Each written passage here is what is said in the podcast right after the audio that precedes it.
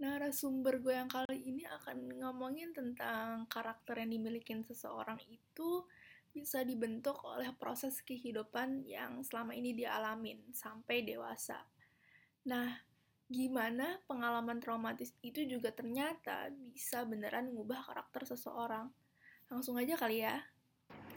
Halo semuanya, Uh, jadi ini episode pertama dari podcast yang belum ada namanya. Kenalin, uh, gue Fania. Dan di sini gue ditemanin oleh orang yang akan membagikan kisah hidupnya. Halo kak. Halo. Uh, kena bisa kenalan dulu kali ya biar orang-orang tahu. Oh, iya. Jadi uh, gue Yolanda. Jurusan perlu gini? Uh, terserah. Oke, okay, ya gue Yolanda dari Teknik angkatan 2016. Dan saat ini di tahun terakhir sedang mau mulai skripsi dan menikmati waktu-waktu terakhir gue di bangku kuliah. Oh. Gitu. nah, kira-kira kan banyak yang nggak tahu tentang kakak nih. Kira-kira bisa nggak sih kakak ceritain sedikit tentang diri kakak? Ya, jadi uh, gue adalah orang yang uh, sebenarnya agak introvert. Oke. Okay. Ya, jadi uh, gue sendiri memang bukan orang yang rame gitu ya yang kelihatan temennya banyak kalau ngumpul tiba-tiba heboh enggak gitu gue orang yang sangat introvert gue sangat menyukai kesendirian gue. Kayak waktu-waktu sendiri. Dan gue sangat suka eh, gue sangat suka um, membangun hubungan yang personal gitu one on one. Gue suka banget sama teman-teman gue tuh kayak di talk ngomongin sesuatu yang kayak eh uh, gitu enggak. Hati dan batin terdalam. Ya jadi gue orang yang kayak gitu. Gue orang yang seperti itu. Oke okay, deh nah uh, dari sifat-sifat kakak atau karakter kepribadian kakak eh, nggak uh, tahu sih. Kalau gue sih percaya kalau orang gedenya itu adalah merupakan hasil dari proses yang udah dia alamin dari kecil atau yeah, gimana. Nah betul. menurut kakak karakter dan kepribadian kakak sekarang ini ada nggak sih kayak proses yang bisa membentuk kakak sampai sekarang? Iya, jadi uh, gue mau cerita dulu sih di, di keluarga gue tuh ya, kayaknya emang gue anak yang paling introvert gitu. Kayak gue punya adik cewek yang uh, mirip sama gue tapi bedanya dia ekstrovert banget. Gitu juga orang tua gue orang tua gue. Jadi emang gue tuh keluarga emang anak yang paling apa ya uh, yang lebih suka sendiri gitu nggak terlalu rame walaupun kadang ya kalau sama keluarga ya agak-agak gila gitu ya, lagi kalau main sama adik gue. Nah emang um, gue pun dulu orang yang sangat suka tampil di panggung gitu. Jadi waktu kecil gue suka nyanyi gue suka banget kayak show off gitu ya. Cuman emang ada suatu peristiwa yang nggak nggak menguntungkan terjadi dalam diri gue yang mengubah kepribadian gue. Dan kebetulan itu juga terjadi pas gue kecil. Jadi kayak ke bawah sampai sekarang kalau boleh tahu nih peristiwa apa sih? Ya jadi emang peristiwanya itu adalah dulu gue pernah ngalamin sexual abuse gitu. Jadi uh, belak belakan aja ya. Jadi okay. gue emang korban pemerkosaan. Mm-hmm. kasarnya kayak gitu. Dan uh, itu dilakuin sama ini tetangga.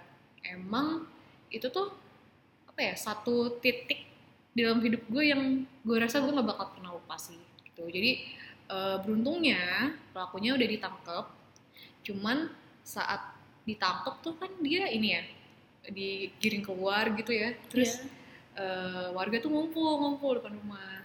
Dan di situ uh, udah heboh lah mama gue nangis nangis gue juga nangis gitu. Terus pelakunya juga dihakimin gitu ya di kata-katain cuman anehnya adalah di situ orang-orang apa ya semua mata juga tertuju pada gue gitu dan mereka tuh ngeliat gue kayak jorok dan kayak najis. Ngeri gak sih? Kayak mm-hmm. ih gila nih orang habis diperkosa gitu. Dan kayak gue tuh di situ ngerasa terpojok banget gitu. Gue ngerasa gue malu banget gitu.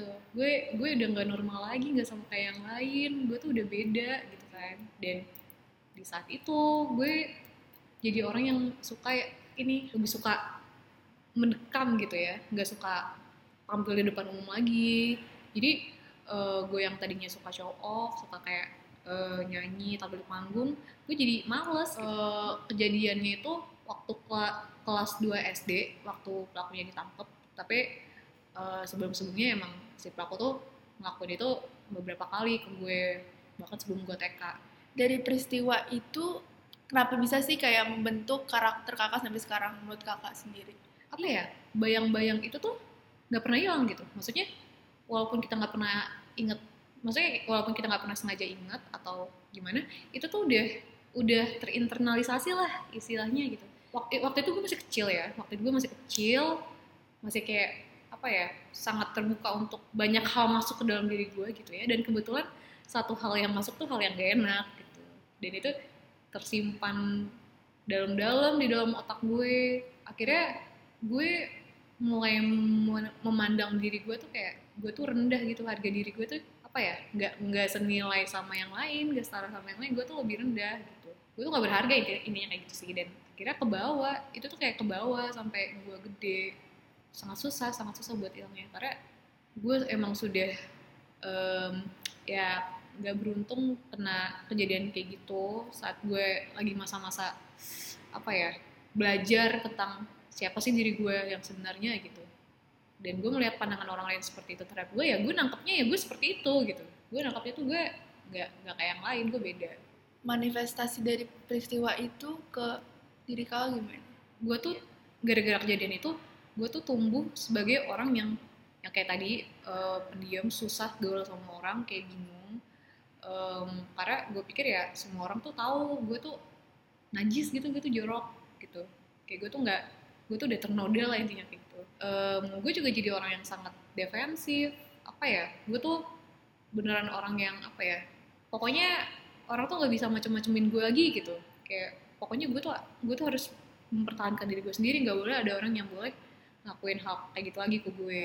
Gue jadi orang yang suka apa ya pokoknya gue nggak boleh ada di bawah lah intinya gitu. Gue nggak mau ada di bawah lagi gue nggak mau direndahin sama orang lagi. Gue tuh punya apa ya pikiran-pikiran psikotik terlebih terhadap cowok. Kayak dalam arti gini kalau seandainya ada cowok yang kayak gue udah nih ini orang kayaknya bakal ini deh kayak bakal nggak bener gitu. Maksudnya dalam hal ya dia bakal ngapa-ngapain gue gitu. Contohnya pas gue lagi jalan atau segala macem. Gue tuh langsung udah mulai dipikirin gue kayak bikin strategi nih kayak nih orang kalau nyamperin gue tiba-tiba gue bakal langsung mukul ininya atau apa gitu. Terus kayak itu tuh udah terancam semua di dalam kepala gue gitu karena emang gue nggak mau dia papain lagi gitu kan. Dan um, entah kenapa gue puas saat di pikiran gue tuh kayak gue bisa ngalahin tuh orang gitu kayak nyakitin tuh orang. Tapi orang itu tuh emang yang gue curigain bakal nyakitin gue terlebih kayak cowok uh, yang gak dikenal di jalan contohnya atau kayak pas gue pulang malam gitu ya. Pasti pasti kayak gitu sih. Sering banget bahkan sampai sekarang sebenarnya. Terus kayak tadi kan kalian bilang kalau ceritanya kayak cowok-cowok di jalan yang gak dikenal segala macam nah kan kita sekarang lagi heboh banget tentang calling ya kak. Iya. Nah kayak kakak kayak lazim banget iya gitu. sih. Kayak apa ya menurut mereka it's funny gitu.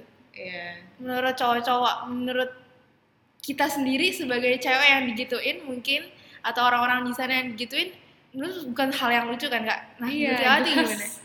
jelas itu kayak harusnya tuh mereka sadar gitu loh saat mereka calling dan segala macam di mata kita sangat menjijikan dan serem gitu. Apa ya kita jadi takut gitu ya. Kalau mau deket-deket lah atau segala macam sebenarnya bukan cuma calling sih kayak mungkin kalau bercanda-bercandanya ofensif gitu. Kayak ya mungkin dari muka apa mungkin kita nggak mau mengekspresikan secara langsung ya. Uh, ada orang yang kayak memendam gitu. Cuman sebenarnya dalam dalam hati pasti ngerasa nggak nyaman nggak enak gitu kayak ngerasa ih mau jauh-jauh aja deh.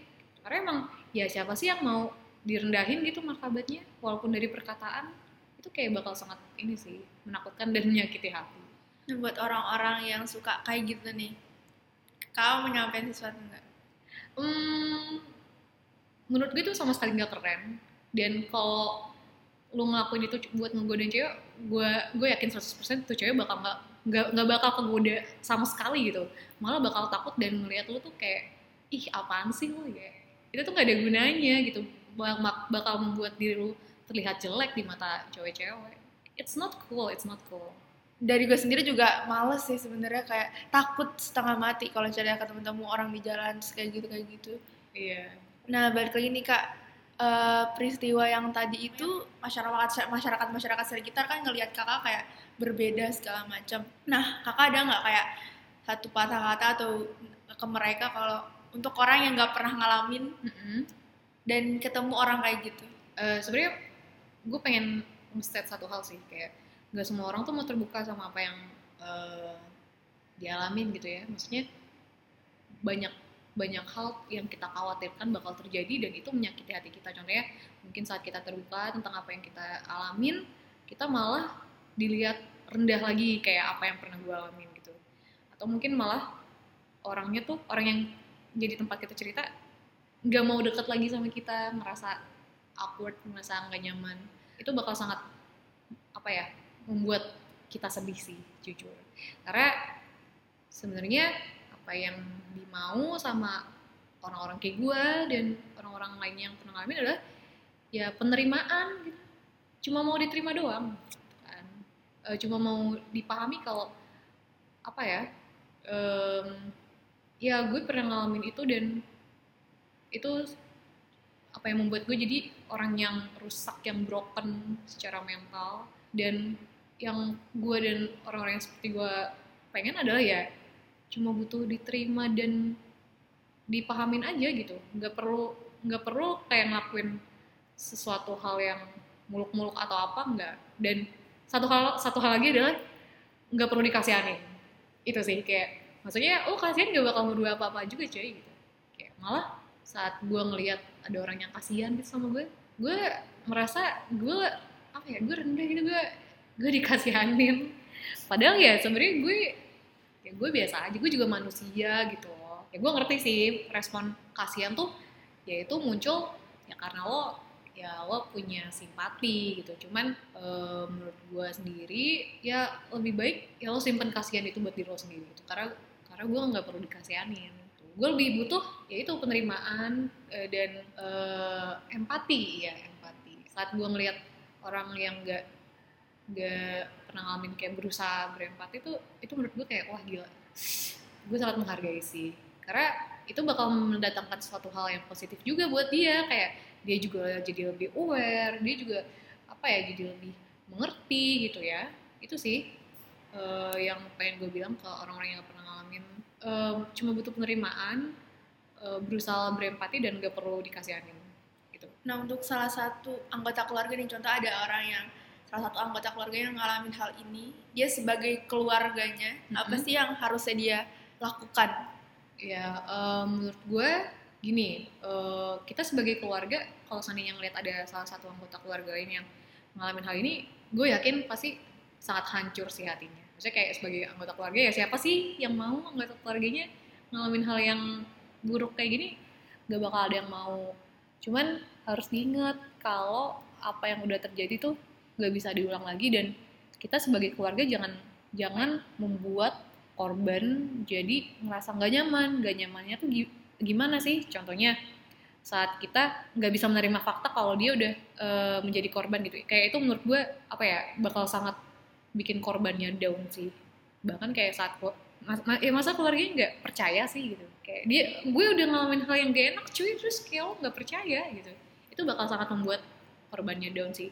Dan hal yang membuat nggak nyaman lainnya adalah apa ya kita sebagai keluarga berusaha mengubah kondisi. Padahal sebenarnya susah susah mengubahnya tuh nggak secepat itu. Dan kita sebagai orang yang nggak pernah ngalamin emang cara kita buat mengubah gimana gitu? Bahkan kita nggak pernah ngerasain. Maksudnya kayak bukan manusia loh yang berkuasa mengubah manusia lain cuma Tuhan doang yang bisa gitu. Kayak um, saran dari gue adalah mungkin apa ya? Ya ya tadi uh, diterima diterima fakta itu dan uh, diimbres tuh korban. Jangan dilihatnya najis jangan dilihatnya kotor ya ya korban tuh apa ya butuh orang yang berpihak sama dia karena dia udah ngalamin hal yang gak enak kan. Uh, kalau seandainya kor apa keluarganya nggak menerima fakta terus kayak mencoba mengubah tapi malah jatuhnya intimidatif itu enggak sih gitu. Jadi mungkin keluarganya tuh bisa nerima membuat dan nganterin dia ke suatu komunitas atau mungkin kena apa ya profesional yang lebih bisa ngebantu dia dalam tahap pemulihan. Contohnya komunitas-komunitas uh, sesama korban yang mana di situ dia tuh bisa sharing bisa terbuka uh, secara penuh dan juga dapat saran tuh yang bener-bener pas ke dia karena sarannya juga dari orang yang pernah ngalamin gitu atau ke tenaga-tenaga apa tenaga medis yang profesional yang bisa yang sudah terdidik untuk bisa nanganin uh, orang-orang dengan trauma-trauma berat seperti itu. Tadi kan kak sempat sebut tentang komunitas komunitas-komunitas korban gitu kan. Mm-hmm. Nah untuk dari kak sendiri tuh ada nggak kayak referensi untuk orang-orang yang Oh iya, jadi uh, ini bukan iklan ya, bukan yang dulu, tapi kalau gue sendiri pernah datang ke komunitas uh, sesama korban namanya Lentera Sintas. Itu menurut gue uh, cukup kredibel sih, dan mereka punya support group uh, tertutup. Jadi isinya emang cuma cuma penyintas dan fasilitatornya pun uh, yang pernah ngalamin juga. Dan jujur gue ngerasa sangat apa ya? Gue ngerasa sangat wah gitu kenapa baru sekarang ya gue tahu ya gitu. karena apa yang gue dapat dari sana tuh sangat bermanfaat untuk apa ya untuk proses pemulihan yang gue alamin gitu um, jadi gue dapat banyak saran dari mereka tentang mungkin uh, kondisi emosional gue yang gak stabil atau mungkin apa yang harus diprioritaskan untuk uh, pemulihan terus bagaimana caranya kalau uh, ada hambatan-hambatan ya gitu. Gue mendapat saran-saran yang menurut gue sangat pas sih. Dan apa ya gue merasa mungkin karena kita sama-sama orang yang pernah ngalamin ya kayak sufferingnya sama kita tuh kayak punya keterikatan gitu. Gue merasanya seperti itu. Dan untuk terbuka tuh sangat mudah karena nggak ngerasa dijudge apa ya dan bisa dimengerti gue yang gue suka itu sih. Jadi mungkin teman-teman uh, mungkin kayak uh, keluarga yang uh, punya anggota korban gitu ya anggota keluarganya salah satunya adalah korban mungkin bisa diajak ke support support group tertutup kayak gitu. Salah satunya yang diadain sama uh, Lentera Sintas. Oke, okay, buat orang-orang yang mungkin pernah ngalamin, kira-kira kakak mau ngasih tahu tentang hal apa biar mereka bisa bisa survive. Misalnya untuk orang-orang yang pernah ngalamin, sebenarnya apa sih yang harus mereka lakukan? Iya, jadi uh, untuk teman-teman aku, untuk uh, teman-teman di luar sana yang pernah ngalamin hal gak enak yang pernah gue alami juga uh, yang harus kalian ingat adalah ini bukan akhir dari segalanya loh gue tahu rasanya pasti nggak enak kayak rasanya uh, sangat terpukul sangat tertuduh sangat nggak adil gitu ya dunia kayak kenapa semuanya kenapa harus gue yang apa yang mengalami gitu. Pasti sangat apa ya sangat berat sih. Jujur kayak salut banget buat teman-teman yang pernah ngalamin dan masih bertahan, bertahan hidup sampai sekarang kayak sangat salut. Itu yang harus diingat ini bukan akhir dari segalanya. Walaupun lo ngerasa malu sama diri lo sendiri gitu ya lo harus ingat kalau ini tuh bukan salah lo gitu. buat apa lo malu sama hal sama hal brengsek yang dilakuin orang lain gitu. Bukan lo yang harusnya malu tapi pelakunya yang malu sama perbuatan nggak bener yang dilakukan. Dan uh, percayalah sebenarnya uh, harga diri lo tuh nggak sepenuhnya di dilihat dari lu perawan atau enggak kayak ngerti gak maksudnya kayak yeah. lu tuh lebih dari itu gitu. Kayak lu tuh manusia yang masih berharga. Maksudnya kayak walaupun lu ternoda kayak lu tetap manusia yang berharga dan cobalah untuk terbuka karena menurut gue ya keterbukaan tuh awal dari pemulihan. Jujur gue udah lama banget nyimpen ini kan kayak udah udah lama banget nyimpen dan saat nyimpen perasaan apa ya uh, memori itu sendiri trauma itu sendiri gue kayak sering seakan-akan gue tuh nggak pernah ngalamin hal itu. Kayak berusaha menghilangkan tapi sebenarnya itu tetap tetap ada tetap ada tetap terkubur dan uh, gue jadi orang yang apa ya suka dendam gitu. Uh, gampang banget marah-marah lah gampang banget tersinggung lah gitu. Karena memang kepahitan-kepahitan yang ada tuh apa ya masih masih disimpan di dalam gitu. Dan dari gue sendiri juga saat gue tutup mulut malah gue mem, apa ya membuat itu tuh makin kuat gitu.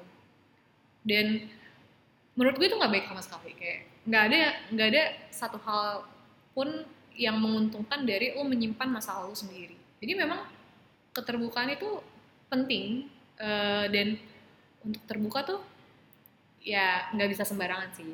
Gue tau nggak bisa sembarangan karena ya apa ya nggak semua orang tuh punya otak. Nggak semua orang punya otak yang cukup uh, bisa untuk menerima apa yang pernah kita lakukan gitu.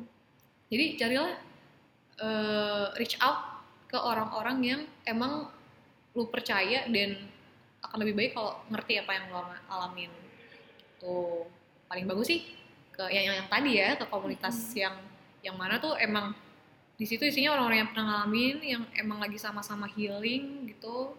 Menurut gue itu tempat terbaik untuk terbuka sih gitu. Supaya saat lo terbuka juga ya jangan ada orang lain yang menjadikan lo bahan tontonan gitu ya. Jujur gue jujur gue kayak apa ya ngerasa takut ngerasa capek juga gitu saat banyak orang yang tahu apa yang gue alamin. Tapi nggak ada tapi nggak ada apa ya istilahnya tuh gue jadi bahan tontonan gitu gue ngerasanya kayak gitu. Jadi hmm. untuk menghindari uh, perasaan-perasaan membebani seperti itu terbuka sama orang-orang yang emang apa ya pernah ngalamin dan lagi sama-sama healing bareng tuh supaya kita tuh bisa lebih ngerasa di di embrace gitu lebih diterima. Uh, dari situ kita bisa membangun apa ya kita tuh bisa membangun diri kita lagi gitu dengan bantuan orang. Karena jujur hal ini tuh nggak bisa di dilaluin sendiri. Nggak nggak nggak bakal sanggup dilakuin sendiri.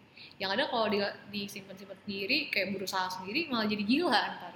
Hmm. kayak maksudnya emang butuh emang butuh um, membagikannya sama orang.